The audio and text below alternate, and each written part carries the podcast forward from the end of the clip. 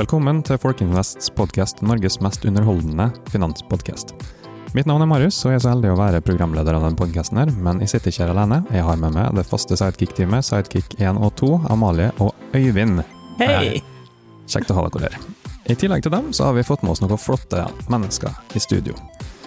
Mishba Lauten er styremedlem og aksjonær i Venn-appen, og jobber til vanlig som IT-konsulent i Rewired i Oslo. Hun er 38 år gammel Oslo-jente, og den eneste jenta i en søskenflokk på tre. Etter videregående flytta hun til London, etter å ha studert IT og matte på London South Bank University. Tida gikk tydeligvis veldig fort i London, for det skulle være tre år, ble til hele 13 år. Etter å ha flytta tilbake til Oslo, var Mispa sulten etter å utvide vennekretsen sin, og valgte å søke etter en app for å finne nye venner. AppStore leda henne til Venn-appen, og Mispa ble dermed en av de aller første brukere av Venn. Her ble hun kjent med Jesper, og etter å ha via mye av sin tid til å gi konstruktive tilbakemeldinger om hvordan Venn kunne bli enda bedre, ble hun forespurt om å sitte i styret i Venn-appen. Og nå sitter vi her. Her er vi. Så bra. Vi har òg med oss Jesper eh, Algård. Han er daglig leder i teknologiselskapet Friender AS, selskapet som står bak appen Venn. Han er 39 år, yngst av en brødreflokk på ikke mindre enn fem gutter, og er utdanna siviløkonom fra Heiro Watt University i Edinburgh. Nå ødela jeg hele det universitetet. Heiro what? Heiro Watt. Eh, og startet sin gründerkarriere i 2007, eh, da han sammen med fire andre etablerte finansrådgivningsselskapet Forvaltningshuset AS. Nå Søderberg og Partners Wealth Management. Han har også vært med å etablere tørrbulkrederiet EOS Bulk Invest, og sitter også i styret i dette rederiet i dag. Etter nesten ti år som finansiell gründer valgte Jesper altså å hoppe av finansbransjen og bruke store deler av 2016 på å reise rundt som backpacker i Asia for å søke inspirasjon til neste gründerprosjekt. Det var på denne turen, da han kom opp med ideen om å bruke teknologi for å gjøre verdens befolkning mer sosial, som ble starten på mobilappen Venn. Wow! Stjernelag vi har med oss. Ja, det er litt av et stjernelag.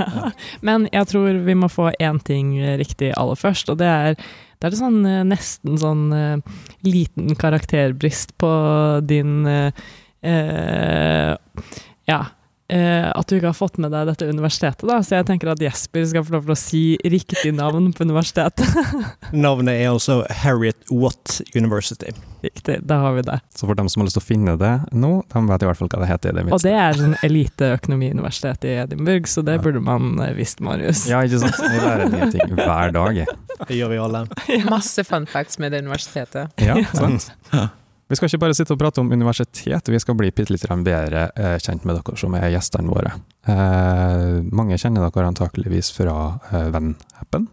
Men Jesper, hvem er du egentlig? Hva driver du med, hva har du gjort, og hva har ført til at du sitter her i dag, på en måte? Eh, listen er lang, eh, men i utgangspunktet er jo en energisk gründertype som liker å utvikle ting, konsepter, og gjerne, gjerne med lite ressurser, om mulig. Jeg tror eh, gode ideer eh, blir til eh, ofte på den måten. Utenom det så er jeg jo eh, relativt normal kar. Liker å henge med kompiser, liker å lage mat, liker å reise. Gjerne litt sånn eventyraktige reiser. Uh, game. Ja, stort sett den type ting. Hva gamer du? Jeg gamer mye skytespill, jeg gjør det altså. Om det er et sykdomstegn eller ikke, det, det får han å vurdere. Men eh, det er i hvert fall det det går i nå. Ja. Det varmer et gamerhjerte å høre. Det er det, altså. Vi har en gamer her òg, har vi ikke det? Nei, peker du på meg nå? Ja. Har du ikke historisk gama? Jo, jeg har vært veldig interessert i spill opp igjennom. Jeg har jo eksempelvis uh, vunnet kretsmesterskapet i Colin McRae, uh, blant annet. Oh, ja, I den tidlige, uh, spede begynnelse av e-sport. Sto på scenen sammen med folk som rakk meg til hofta. Ja, Det var ikke helt bra, men uh, gøy er det i hvert fall. Her kommer det fram, altså. Mange andre har gjort eh, spillpodkast i Norge, så vi skal ikke bevege oss ned den stien. Men uh, Mispa, hvem er du? Vi, vi fikk jo vite litt i introduksjonen, men uh... Ja, hvem er jeg? Jeg er um, Jeg tror når man først møter meg, så er jeg en ganske energisk person. Jeg er et ja-menneske. Det er sikkert derfor jeg kom i kontakt med Jesper også, fordi eh, jeg stort sett bare sier ja til eh, alt mulig forskjellig. Og kanskje derfor jeg også endte opp med å studere et helt annet sted, og endte opp med karriere og venner og mange forskjellige hobbyer enn det jeg kanskje aldri hadde hatt, hadde ikke takket ja til en invitasjon. Så jeg tror derfor jeg også liker um, denne appen, fordi det er muligheter for å møte folk du vanligvis ikke hadde møtt. Fordi em, når jeg har bodd i utlandet, er det så mye lettere å komme i kontakt med folk som du ikke vanligvis hadde hengt med. Og det er Jeg tror det er sånn jeg er. Det er uh, liten ja-menneske som, uh, som liker mange forskjellige eh, utfordringer og, og også forskjellige måter å se ting på. Kjempebra. Vi skal prøve å bli enda litt bedre kjent, over, for vi har på forhånd, før vi gikk inn i studio, bedt dere om å forberede en historie til oss. Og jeg har hørt at det er du som skal fortelle oss en liten historie, Jesper. I dag eh, er det min tur. Eh, Historien som jeg valgte å plukke ut, den er litt relatert til mobilappen Venn. Mhm. Og eh, jeg liker jo å reise, som sagt, og drevet en del med, med backpacking i, ja, i nyere tid, før korona. Men ja. Og et av de stedene jeg dro til, det var Japan, som jeg utforsket ganske grundig. Hoppet fra by til by, og i hvert fall min erfaring med backpacking er jo at eh, du har noen helt fantastisk episke, gøye, eventyraktige dager. Og så har du òg enkelte dager hvor du bommer. Enten bommer du på location, eller byen var ikke like kul som du trodde. Litt Mhm. sånne ting. Og eh, da jeg var på den turen her, så eh, kom jeg til en by som heter Kamakura. Mhm. Ligger sør for Tokyo. eh, og i utgangspunktet en veldig fin by, men jeg hadde bommet helt på, på hvor jeg skulle bo. da. Så jeg bodde liksom litt for langt ute fra sentrum. Kanskje jeg var litt fyllesyk, jeg vet ikke. Jeg var i hvert fall litt dårlig humør den dagen. da, Og uh, valgte å sette meg ned uh, på en benk for å uh, egentlig bare se på solnedgangen og prøve å ja, prøve å komme til igjen Samle deg. rett og slett. Og da jeg satt der, da, så kom det en japaner og satte seg ned. Og jeg hadde jo ikke pratet veldig mye med japanere, fordi i hvert fall de jeg hadde møtt til da, hadde jo, ja, de var ikke så veldig gode i engelsk, og det var ikke så lett å kommunisere med dem. Og akkurat da så hadde jeg hadde liksom veldig lite å gi. Egentlig ville jeg bare kule han. Men han begynte å snakke, og jo mer vi prater, jo mer skjønner jeg det at eh, ikke bare er han god i engelsk, men han er jo utrolig kul. Eh, veldig mye ja, politisk ukorrekt humor og bare fjaste og alt var gøy. Eh, og så merket jeg bare at det møtet det skulle sikkert bare ta et kvarter, men han tok at vi satt der i tre, kanskje nesten fire timer eh, og bablet om alt mulig. Eh, og så endte han opp med å gi meg masse gode tips da, i forhold til liksom at hvis du er utlending, så kan du kjøpe en sånn type togbillett som, som ikke japanere kan kjøpe, da, som gjør at du kan komme deg rundt billig. Han fortalte hvor, eh, hvor jeg kunne kjøpe god sushi og liksom alle disse tingene her.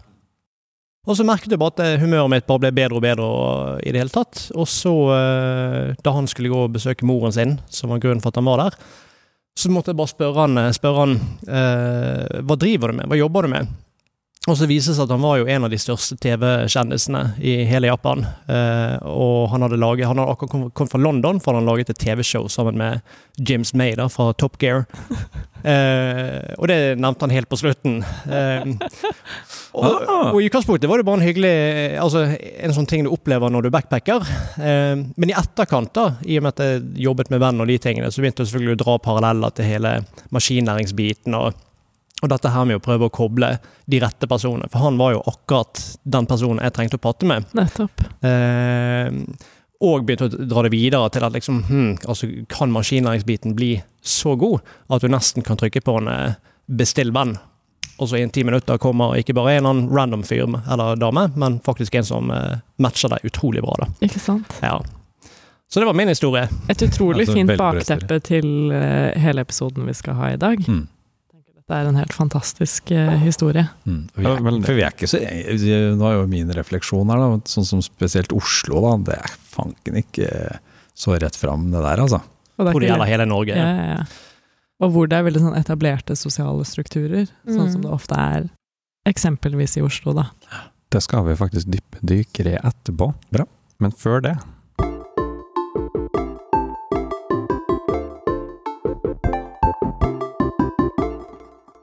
Som en del av eh, programmet vårt så pleier vi å sende vår stuntreporter Bjørn ut på gata for å prate med folka der om ting som relaterte til de tinga vi prater om i studio. Og det vi får nå, er det han fant den gangen her. Hvordan finner du nye venner? Eh, gjennom studiene, kanskje. Mm, jobb. Jobb. Nå har jeg funnet nye venner ved å starte på nytt studie. Der håper jeg på å få med noen nye venner. Og det var det han fant den gangen her. Det er jo ganske relevant for det vi skal prate videre om nå. For nå skal vi ta et lite dypdykk i Venn. Bli bedre kjent med dere som selskap, og gjerne litt av det som ligger bak det dere har laget, egentlig. Men da vi satte oss ned for å forberede oss litt til denne episoden her, så, så fortalte du noe, Mispa. Du fortalte at du hadde flytta tilbake fra London. Kan du fortelle litt om det? Ja, jeg var eh, 17 da jeg dro til London, og, da, og endte opp med å være der i så mange år at da, da jeg flytta tilbake igjen, så var jeg 30 år. Og når du er 30 og skal tilbake til, til et sted som pleide å være ditt, så har ikke du den samme vennegjengen lenger, fordi i Oslo, eller kanskje i Norge også, har jeg merket at det er en litt annen kultur med, å, med, å, med hvordan man skaffer seg venner, og hvordan man beholder på de vennene man allerede har. Det er helt uvanlig, tror jeg, å gå og skaffe seg nye venner i Oslo spesielt, fordi alle er allerede etablert fra barnehagefasen. Så fra du er fem år, så er dette gjengen din. Og det å være en ny person som kommer inn i gjengen, det er nesten helt umulig. Så i London for eksempel, så skaffet jeg meg en venninne fordi vi tok, eh, vi tok bussen samtidig tre ganger en eller annen midnatt, og hun jobbet som en servitør, jeg jobbet servitør et annet sted. Tok bussen tre ganger, og jeg flytta inn med henne to uker senere. Ja. Altså, det, er, det er overalt. Og i London, hvis jeg var på en bar, kanskje hadde en ekstra shot, bare ga det til en, en eller annen dame, så, og vi begynte å snakke, så var det sånn Hei, du var kul, skal vi møtes for en kaffe eller, eh, eller vin en eller annen gang? Ja, ok, da gjør vi det. Flyttet jeg tilbake til Oslo og skulle noen prøve å skaffe meg nye venner. Så husker jeg at jeg dro Jeg hadde nettopp fått meg en jobb um, et sted. Um, jeg hadde bare vært der en uke, så gikk jeg over til um, noen damer på kontoret. Det var ikke så mange damer der, fordi det her var IT-jobb. Så dro jeg over til noen av de damene på en torsdag etter å ha jobbet der en uke. Så spør jeg dem om de har lyst til å bli med ut på ett glass vin, før alle skal hjem igjen. Og alle så veldig rart på meg. Jeg tror de trodde at jeg var alkoholiker som, eh, som prøvde å De så veldig rart på meg og tenkte «Øh, nei, dette her gjør vi bare ikke. Og de hadde jo ikke sosialisert seg imellom engang. Så det at jeg spurte dem om å bli med på bare et glass vin, det var helt fjernt for dem. Det her skulle jeg absolutt ikke gjøre. Så tenkte jeg hm, det her var litt rart. Anyway, jeg tenker ikke over dette her. Dette, her går over. Og så var jeg ute noen uker senere, noen måneder senere kanskje, og var i baren igjen og bestilte noen, noen drinker. Så at det var noen jenter som sto ved siden av meg, så bestilte jeg for dem også, eller at vi hadde noen ekstra drinker for dem. Men eh, de tok det imot, og så gikk jeg og begynte å snakke med vennene mine. Så kom jeg tilbake til baren hvor de jentene fortsatt er, og så begynner vi å snakke litt. Så spør jeg dem hei, dere var kule, vi skal jo finne på noe en eller annen gang, eller kanskje dere vil bare komme hjem til meg på neste vors. Men de så kjemperart på meg. Jeg tror hun ene trodde at jeg la an på henne, og at jeg var lesbisk. Og det har jeg fått ganske ofte i Oslo etter det. At damer tror at jeg er lesbisk hvis jeg prøver å snakke med dem, eller prøver å komme i kontakt med dem. Ja. Men eh, ja, så derfor ville jeg egentlig ha en app. Og jeg har merket at det å ha apper har gjort det så mye enklere å skaffe meg venner. Men alle venner jeg har skaffet meg, er fra andre steder enn Norge. Altså de er svensker eller dansker, eller de er fra andre land, men Mer åpne for å åpne. Ja. få seg venner. Ja. Og de er ofte mye mer åpne for å få seg venner av den andre kjønn også, mens jeg merket at uh, i Norge, hvis det er en venneapp også, så tror så er det Altså, damer tror ofte at det er en, en annen baktanke bak å få seg Ja, ja, venner. ja. Men ofte handler det bare om å ha venner som du enten har samme hobby med, eller noen du kan lære noe av. Fordi, for hvis du henger med samme gjeng, så får ikke du noen nye impulser heller, og du kommer ikke så veldig langt der hvor du vil også. Ja. Vi snakket jo om dette her tidligere før vi kom inn her, med at uh, du er ofte gjennomsnittet av de personene du henger med. Mm. Og det hjelper å ha nye impulser også. Eksakt. Jeg har jo også opplevd litt at i Norge så føler jeg at man trenger en sånn døråpner for å få nye vennskap. Som er en sånn underlig motsetning til andre land og kulturer. Eh, jeg har en veldig, veldig god venninne som er amerikaner. Eh, hvem er det hun har blitt venn med i Norge? Jo, det er jo mine venner, eller folk jeg kjenner. Men ikke noen på egen hånd, for det er Mm. nesten helt umulig. Det er sånn lukkede dører hvis det ikke er en etnisk nordmann som sier ja, det er kult å være venner med Edison. Utrolig bra tiltak, da. Eh, mange som er litt ensomme iblant, altså. Jeg merker jo selv også, jeg, har- liksom eh, viet fryktelig store deler av livet mitt på jobb, da. Som jeg har gjort, og så har jeg flytta en del rundt med de jobbene jeg har eh, hatt. Så har man en veldig sånn tett, nær eh, krets. Og innimellom så passer det jo ikke for dem å møtes. Kanskje jeg har flytta til et nytt sted, og så er det ingen som bor der, og så er man litt aleine, da. Jeg er litt sånn spent på å høre refleksjonene rundt hva dere har bygd, da. Altså hvordan man har tenkt, hvilke markeder på en måte dere har Altså, hvordan har dere angrep, yeah. angrepet det? da? Ja, for vi må jo dra opp liksom parallellhistorien. fordi på dette tidspunktet når Mish, eh, Mishpa flytter hjem, så er jo Eksisterer applikasjonen da? Nei, Nei. det gjorde han vel ikke. Det gjorde han ikke det. Altså, minst på meg møttes vel februar-mars-ish under korona, så tidligere i år, da. Eh, og du flyttet vel en god del år før det, hvis jeg ikke husker feil. 2013.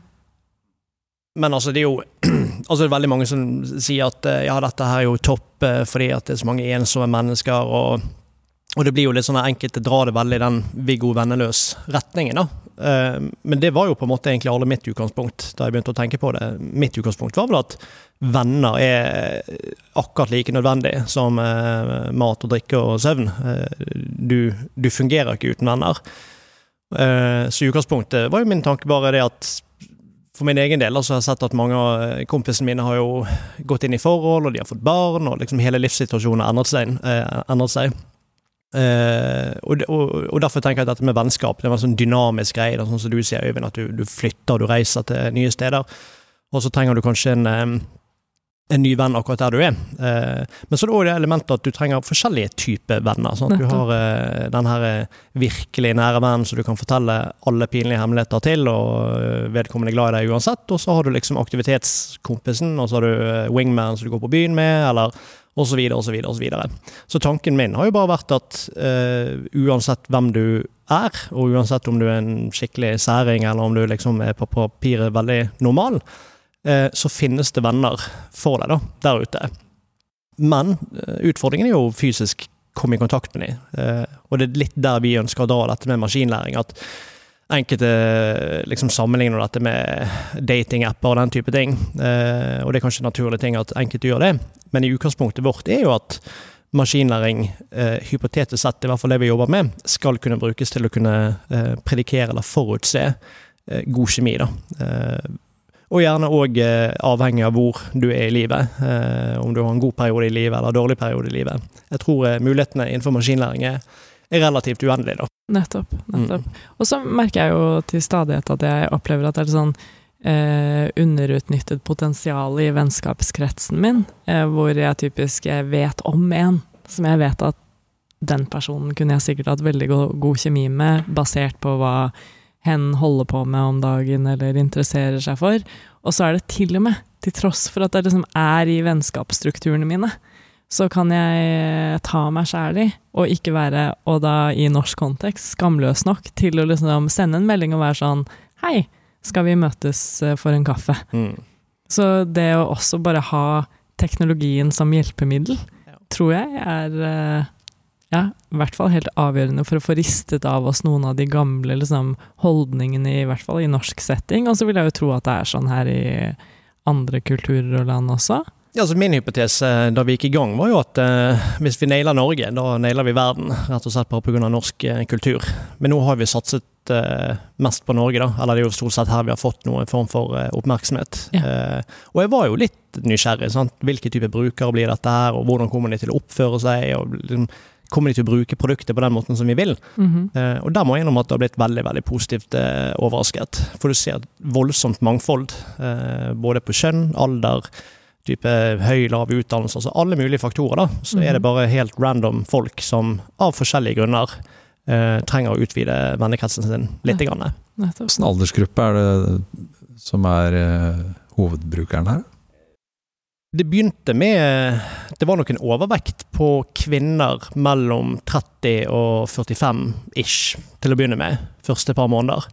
Eh, og så fikk vi litt artikler her og der, og vi prøvde noen sånn markedsføringsstunt som egentlig ikke var så veldig effektive. Men nå ser du òg at aldersgruppen har gått ned, da, så det blir flere studenter og, og den type ting. Men hele greiene er jo at at eh, jeg føler jo det at hele produktet er laget for alle som ønsker en eller annen form for kontakt da, med noen relevante mennesker. Eh, og det er det vi har begynt på, men det er en, lang vei å gå. Ja, ja. Og hvor mange Hvor mange er det på appen i dag? Har man noe track på liksom, hvor mange vennskap det har ledet til, og den slags ting? Eh, vi har litt track på det, men det er enkelte ting vi holder på å utvikle. Men altså, vi runder jo 10 000 brukere denne uken her, da, faktisk. Så det er Gratulerer. litt, eh, jo, takk. Jeg syns det er ganske gøy. Eh, og spesielt med tanke på at veldig mange av disse brukerne er jo organiske. De kommer jo, de blir invitert inn fra eksisterende brukere, og så er det mange som googler seg fram til eh, app for venner osv. Men eh, vi har jo koblet tusenvis av personer allerede. Eh, nøyaktig hvor mange vennskap det har blitt ut av det, det ja, jeg tipper jo i hvert fall flere hundre. Ja. Så kan det bli sånn virale effekter også, ikke sant? To som, så er det to nettverk som møtes. Ja, og jf. det jeg snakket om i stad, med min amerikanske venninne, når vi først ble kjent, for hun ble jo kjent med litt sånn tilfeldig gjennom eh, ja, diverse. Men hun har jeg jo åpnet dører for, så det er jo nettopp de virale effektene ja, som er virkelig, Mm. virkelig spennende. da. Ja. Men jeg tror det er en kulturgreie òg man er nødt til å bygge. Akkurat som uh, datingverden måtte jo litt gjennom det. Det var sånn kleint å finne konen sin på uh, sukker eller en eller annen match.com, ikke sant. Mens nå er jo det Altså nå er det jo Det er uvanlig nye at du ikke normalen. finner ja, ja, Ja, ja, Det er jo der du finner eh, en partner. Eh, så det var jo alltid en tanke at vi måtte gå gjennom eh, en sånn kulturendring. da. Eh, men jeg tror man har kommet mye lengre i det i andre land, da, nedover kontinentet og USA og sånne steder. Så tror jeg det er vesentlig mer normalt. Dette her brenner jeg ganske mye for, egentlig. Jeg har engasjert meg i mange år i sånn internasjonale skoler. Jeg sitter i noe styreverv og flytta litt rundt. da. Sånne typiske IB er det jeg har engasjert meg i. da. Og der har man jo, fordi man flytter så mye, så har man ganske, lagt ganske mye vekt på å ha en kultur der man er åpen for at folk skal møte hverandre. da. Eh, Men samtidig så er man jo litt sånn distansert, fordi man vet at denne vennen Hvor mye skal jeg investere i denne vennen? Om tre år så flytter de, flytter de igjen, da. Så det er et, eh, et tema som er eh, langt opp på, på agendaen, da. Så noen skoler har fått de bedre enn andre, selvfølgelig. Og, eh, så er det en veldig spennende kontakt å eh, undersøke om man kunne hatt bruk for en sånn type app, da. For det tror jeg de ville vært veldig positive til, altså. Ja, jeg syns IB var et veldig bra eksempel, fordi da, da møter du folk fra mange forskjellige land. Fordi det er så mange land som har IB som sin godkjente videregående. Ja. Og um, jeg, tror at det med at Venn startet i Norge, hvor folk er vant til å være ganske like. Hvis man ser på en vennegjeng, så går alle helt likt kledd også. Og alle skal ha helt like hobbyer. Og det er det at du er litt annerledes, blir sett på som en liten litt outsider. Mens IB, der er alle er forskjellige, alle kommer fra forskjellig bakgrunn, de blir venner. Og det er også noe som er så bra med, med appen, er at du møter folk du kanskje, som kanskje ikke går kledd som deg, eller har like hobbyer som deg òg. Du, du blir litt mer skamløs med at du kan være mer deg sjæl. Jeg syns det er det folk burde prøve å gjøre litt mer av, med å by litt mer på seg selv, og bare tørre å være seg selv litt mer. Som jeg har merket da, med de venninnene jeg har møtt gjennom appen. De sier det selv også, at det å møte en helt ny gjeng har gjort at de har blitt mye mer flinkere på å skjønne hvem de er, og ikke bare gå etter hva de speiler ut ifra hele gjengen. Vi har jo sett det selv også på, på trikken, T-banen, sent på kvelden, når en hel vennegjeng skal ut på byen. Alle går helt likt kledd. Du har, ikke, ikke sant, du har ikke lov til å skille deg ut engang. Mens, mens jeg er vant til at venninnene vi, vi har aldri spurt hverandre hva vi skal ha på oss når vi skal ut på byen. Du bare dukker opp Mm. som du er. Ja, ja, ja. Men, men det er også veldig mye av poenget, fordi at eh, tradisjonelle personlighetstester eh, går jo veldig ofte på likhet. Eh, så eh, ja, jo likere du er, eh, jo bedre match får du. Men det går jo egentlig på en måte litt imot det vi prøver å gjøre. da. Eh, men der er det på en måte bare sunn fornuft og livserfaring. altså alle, For eksempel for min egen del, folk jeg har møtt opp gjennom eh, livet. Og flere venner som jeg har, er jo på papiret helt forskjellige. Altså både politisk og karriere, altså alle mulige faktorer er vi helt forskjellige på. Men så har vi et par punkter da, eh, hvor, vi, ja, hvor vi på en måte matcher. Og, og litt av tankene er jo liksom det hårete målet vi jobber mot, og grunnen for at vi har dratt inn forskning i dette, og, og grunnen for at forskere i det hele tatt har lyst til å jobbe med oss, Ja. er jo nettopp at kan du egentlig eh, forutse et, eh, et uforutsigbart eh, vennskap, da? Og det tror vi i utgangspunktet. For hvis jeg matcher bra med en som eh, på papiret er veldig annerledes, så kan det hende at en annen som er lik meg, også ville matchet bra med han, så. Men, Så- men for, og forskningen sier dette også. Nei, altså forskningen, eh, forskningen vet jo egentlig ingenting. Eh, Ja. Vi har en del sånne gamle psykologiske teorier. Eh, akkurat nå har vi et forskningssamarbeid med, med NHH, og så har vi planer om å utvide det til å inkludere INSEAD i Frankrike senere. Da. -hmm. Og, og de forskerne på NHH hadde jo lest seg en god del opp på eh, hva som finnes av forskning. Hvilke faktorer er avgjørende for at to personer får en, en langsiktig relasjon, f.eks. Eh, Men det er veldig lite forskning som er gjort, eh, og det som er gjort, det er jo da kvalitativt eh, gjennomført og mye dybdeintervjuer på en mindre gruppe mennesker. Men en av de tingene de har lært, det er det at hvis du tør å innrømme noe veldig pinlig om deg selv, eh, eller at du byr på deg selv, så øker det sannsynligheten for at folk stoler på deg og liker deg, og da er du på en måte ett skritt eh, nærmere da, en ny venn. Men det er jo liksom bare, man har jo bare skrapt i overflaten, og det vi tenker å gjøre, er jo selvfølgelig at man, man sitter jo på en voksende mengde data, vi ønsker jo på en måte å lære. Eh, da, da appen ga to personer en 68% match, var det egentlig rett? Eh, eller burde det kanskje vært en 79% match, osv. Så, så eh, ja, så, Så, men dere satser på en måte litt inn i universitetssegmentet, er det sånn jeg forstår på det? Ja, så for forbrukere, mener du, eller? eh, Det har i hvert fall vært én tanke vi har hatt, da. Mm. Men det er helt sikkert fordi det var det Facebook gjorde, og eh, liksom andre aktører har gjort akkurat det det. høres jo kjempefornuftig ut. Altså det å få opp brukermassen kan man si at er det kommersielt, men det er jo ikke bare kommersielt, det er jo for å få bedre stats, bedre big data-grunnlag for å gjøre Mm. Og så er man litt i samme setting, og derfor jeg spurte om alder i sted også. for at det er klart at jeg tenker jo hvordan man, eh, Hvilke personer er mest opptatt av sesongmessig opptatt av å få venner i hvilken eh, tidsenhet, på en måte. ja. Forstår du hva jeg mener? Det høres jo superadekvat ut å gå, i, å gå inn i universitetssegmentet, da. Ja, helt klart. Og det er jo, vi har jo allerede samarbeid med, med en del universiteter, men jeg tror det er ganske mange andre man òg eh, For vi ønsker egentlig ikke at det skal være en, en studenter på. Så studenter er jo typisk eh, sånn at eh, en typisk bruker. De kommer til en ny by, de kjenner ingen, de har bodd hjemme hos mamma og pappa hele veien, og de kan ingenting. og ja, da er de på, på tynn is, ikke sant. Um, men jeg mener jo at dette gjelder jo eh, Altså, det, det Så gjelder jeg savner jo aktiviteter. Ja, og den, den er på vei. Yeah.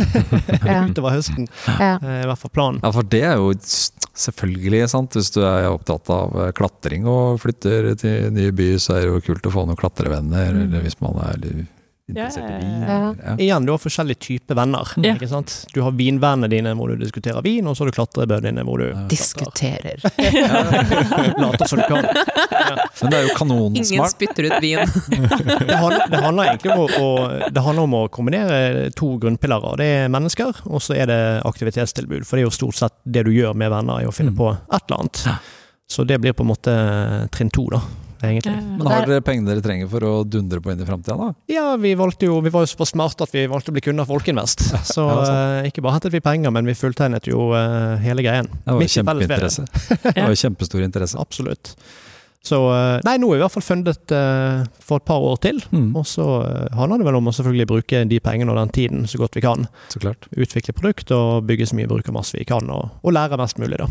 Og da er spørsmålet hvor er dere om uh, fem år? Her er det lov å dra på. Altså, Problemet er jo at uh, jeg har jo utarbeidet mange budsjetter og Ja. sånne greier. Uh, for- og for mange andre sektorer eller liksom bedriftstyper så er det kanskje litt lettere å mene noe om det, da.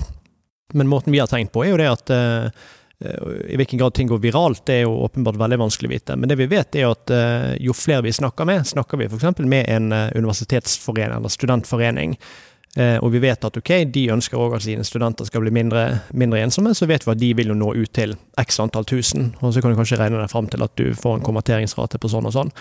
Men det stopper ikke der. sant? Vi snakker jo alle mulige typer forbund, og eh, tenker jo reisebyråer, ikke sant, eh, expats. Altså det er masse, masse foreninger rundt omkring. eh, Som for så vidt deler vårt mål. Eh, Og det er jo liksom å koble mennesker og sørge for at folk henger ut med, med kule folk. Ja, ja. Og i den anledning så tenker jeg jo at uh, du som lytter på, må jo laste ned Venn-appen. Og den kan lastes ned både i AppStore på iPhone og i Google Google, Play. Play, på. Android-telefoner. Og da laster man ned, og så må man lage en eller annen profil, eller? Ja, det må ingenting. Eh, Vi har gjort det veldig sånn syterløst og greit at du får lov å sjekke ut appen litt i begynnelsen og, og se litt hva slags type profiler som er der. Og det eneste vi egentlig krever, er at de sier hva de søker på appen. Eh, Er det liksom noen å studere med, er det noen å reise med, noen å prate med? Det er alt de trenger å gjøre. Og så kan de fylle ut profil videre da, og legge på interesser og eh, verdier og preferanser og sånne ting. Mhm. Og så, ja, gir vi det en matching, en matchingprosent, da, sånn som ting fungerer i dag. Jeg merker det Ja. klør litt i fingrene. Ja, jeg merker det, altså. Og så er en ting, jeg er jo litt nysgjerrig fyr. Eh, nå har vi jo Bruk eksempelet Facebook, da. Som har hatt en voldsom eh, vekst, og som nå representerer veldig mye mer enn det det begynte som. Åssen refleksjoner gjør dere om altså på begrensningsområdet? Altså hva er det man må prøve å unngå? Er det noe som det går an å si noe om det også? Ja, jeg syns det er òg et veldig bra eh, spørsmål. fordi de har jo endret veldig eh, måten de tjener penger på, hva de tilbyr brukerne. Men veldig mange av de sosiale mediene går jo på eh, likes, og de går på liksom skryt, og 'nå har jeg det gøy', og 'se så artig vi har det sammen her', og dill og dall. Mens vi har jo bare én veldig, veldig enkel visjon, og vi vil at folk skal fysisk møtes. Og det er alt vi vil. Eh, så det handler jo bare om å videreutvikle produktet på den biten, og bare bli bedre og bedre og bedre. Og rett og slett bli, bli bedre på kobling og matching enn det alle andre er. Ja. Eh, og det tror, vil, eh, det tror jeg kan funke, så lenge fokuset er i den retningen. da. Jeg blir veldig glad for å høre det, for jeg tror at det har jo noen negative effekter også å ikke være opptatt av det. da. Ja. ja da, og det er sikkert lett å, å gå i den fellen, men så lenge det er vi som er involvert i selskapet, noen som bestemmer, så er det liksom det som er visjonen vår og den røde tråden. Ja, vi har jo snakket mye om det, med at eh, målet med appen skal være å få folk ut mer face to face. Fordi etter, etter pandemien, og, og, som vi også har merket, for vi, vi, jobber jo mye med Teams, vi jobber mye med bare å være foran skjermen hele tida. Det har også gjort at uh, mental helse har ikke så godt av å være foran skjermen og møte folk foran skjermen. Vi må ut og se folk. Og, og, og for at vi skal bli bedre som mennesker, så syns jeg at øyekontakt og det å være ute, klemme en annen person, det er fortsatt mye Altså, det er utrolig viktig. Det er uforståelig, egentlig. Ja, det er det. Ja. Og vi har lært det fra pandemien også. Så når events og groups og aktiviteter kommer ut, så vil målet være å få folk ut. Vi har jo merket det selv også, hvis du har en hobby. Så med, med Facebook så klarer ikke du å finne ut av hvor en viss gruppe er, eller hvor noe skjer. Og jeg har alltid slitt med det, i Oslo spesielt, med at eh, du klarer ikke å finne frem til hvor du kan gjøre visse aktiviteter. Så målet vil være at uansett hvem du er, så skal det være veldig low threshold for deg for å komme deg ut, møte folk, og det skal være åpent for, for alle. Jeg skal fortelle brukerne hvem de burde treffe, og hva de burde finne på sammen. Ja. Det er jo egentlig ja. så enkelt. Ja. Nettopp. Likevel så vanskelig. ja, ja, ja. Mindre data og mer samvær, da, med andre ord, egentlig. Ja, eller vi trenger jo data for å, for å forutse disse tingene, da. Men ja, men ja mer samvær. Men jeg tror egentlig det er en sånn perfekt applikasjon for den tidsalderen vi går inn i nå. For jeg ser flere og flere, for å dra en analogi som kanskje blir litt fjern, for jeg har bare liksom så vidt begynt å tenke på den, men flere og flere skaffer seg platespillere. Flere og flere som tar tilbake liksom hvor ikke alt er helt sånn superdigitalisert, mm. hvis dere er med meg. Eh, men likevel eh, så må man jo beholde den, de digitale fremskrittene man har gjort. Så her beholder man de digitale fremskrittene, videreforedler de, men samtidig beholder noe av det gamle som flere og flere beveger seg tilbake mot. Da. Mm. mm. Jeg tror utviklingen har på en måte blitt sånn volumbasert. Ja. Og så er man tilbake på kvalitet, ja. og kvalitet handler jo ofte om samvær og ting som man bryr seg om. Nettopp. Og den minnet ligger jo i fortiden. Så henter man en felles interesse for et eller annet minne som man møter noen. Men jeg er litt sånn mot, uh, imot deg, Marius, som snakker om at man ikke, ikke, skal spille. Det kan jo være at de du ønsker å møte, er typisk noen som er interessert i spilling, og ikke bare familien din som gir deg dis hver gang du setter deg ned med spillinga. Men jeg, ja, jeg satt jo i et møte med en bruker, eller en eh, fra testpanelet, da, som var en gamer. Ja. Eh, og han hadde jo egentlig ikke lyst til å fysisk treffe noen, men han var veldig opptatt av at de han skulle game med, de var fra Norge. Og måten han traff gamingvenner på nå, det var jo da gjennom eh, Reddit og Discord. Og da heter han liksom et han brukernavn, og så vet du ikke om det er en 70-åring i Filippinene eller om det er en liksom, 8-åring i Tromsø. Mm -hmm. eh, så, så, ja, altså, ja, vi ønsker at folk skal møtes, men det aller viktigste er jo at de liksom får gjort det de ønsker å gjøre. Ja. Ja, om det er å sitte foran en skjerm, så lenge, det, så lenge de liker det. Mm. Ja, så er det greit. Men man har jo godt av det også, å være en, en gjeng som gamer sammen. Det er flere som sier at da føler de seg ikke ensomme lenger. Da har de noen andre som gjør det samme som deg. Så du skal kunne klare å finne akkurat de menneskene du vil finne, som har kanskje de hobbyene som deg, fordi da får du venner. Da har du noen andre du kan snakke med om det. Nettopp. Nettopp. Og jeg elsker jo å spille, Øyvind. Det er jo en av mine store hobbyer. Det, kanskje vi skal bli venner, da? Ja, kanskje vi skal treffes på venn. Da føler jeg meg utelatt. Da blir vi venner, da. Vi har jeg skal, jo ja. Nei, så Nei. kjør på, du. Nei, jeg tenker man må jo liksom walk the talk. Eh, og jeg er jo utrolig trigget av dette. Jeg har kanskje ikke vært så veldig bevisst på på døråpning for andre og ta initiativ tidligere. Men eh, jeg ble trigget av din historie med at det var så vanskelig å møte folk eh, i Oslo når du kom tilbake. Så da tenker jeg jeg inviterer gjerne på et eh, glass vin, Hey! Hei! og så skal jeg laste ned appen. Nice. En ny vennekobling og en ny nedlasting. Ja. Det er god dags arbeid, tenker jeg. Mispa og Jesper, tusen takk for at dere kom inn i studio og lot oss bli bedre kjent med venn. Vi kan jo nesten kalle oss en venn med venn nå, så godt som vi har blitt kjent med dem. Ja. Det var i hvert fall alt vi rakk for denne episoden. Eh, hvis du som lytter på har spørsmål til fremtidige podkast-episoder, så kan du gå på folkinvest.no slash podkast, eller så kan du sende en e-post til podkastet at eh, folkinvest.no. Jepp. Hvis du ikke allerede har gjort det, så er det også veldig flott om du går inn i din favorittpodkast-app og trykker abonner på podkasten vår. Og er du skikkelig raus, så legger du også igjen en iTunes-rating, så når vi ut til enda flere. Så går det an å reportere også hvor man får ned appen, gjør det ikke det? Hvor du finner den? Ja. Det er bare å søke på Venn i AppStore eller Google Play, så kommer han høyt opp på listen. Der har du det, vet du. Perfekt. Kjempebra. Tusen takk for at du hørte på, og så kommer det en ny episode i neste uke. Ha det bra. Ha det! Hei da!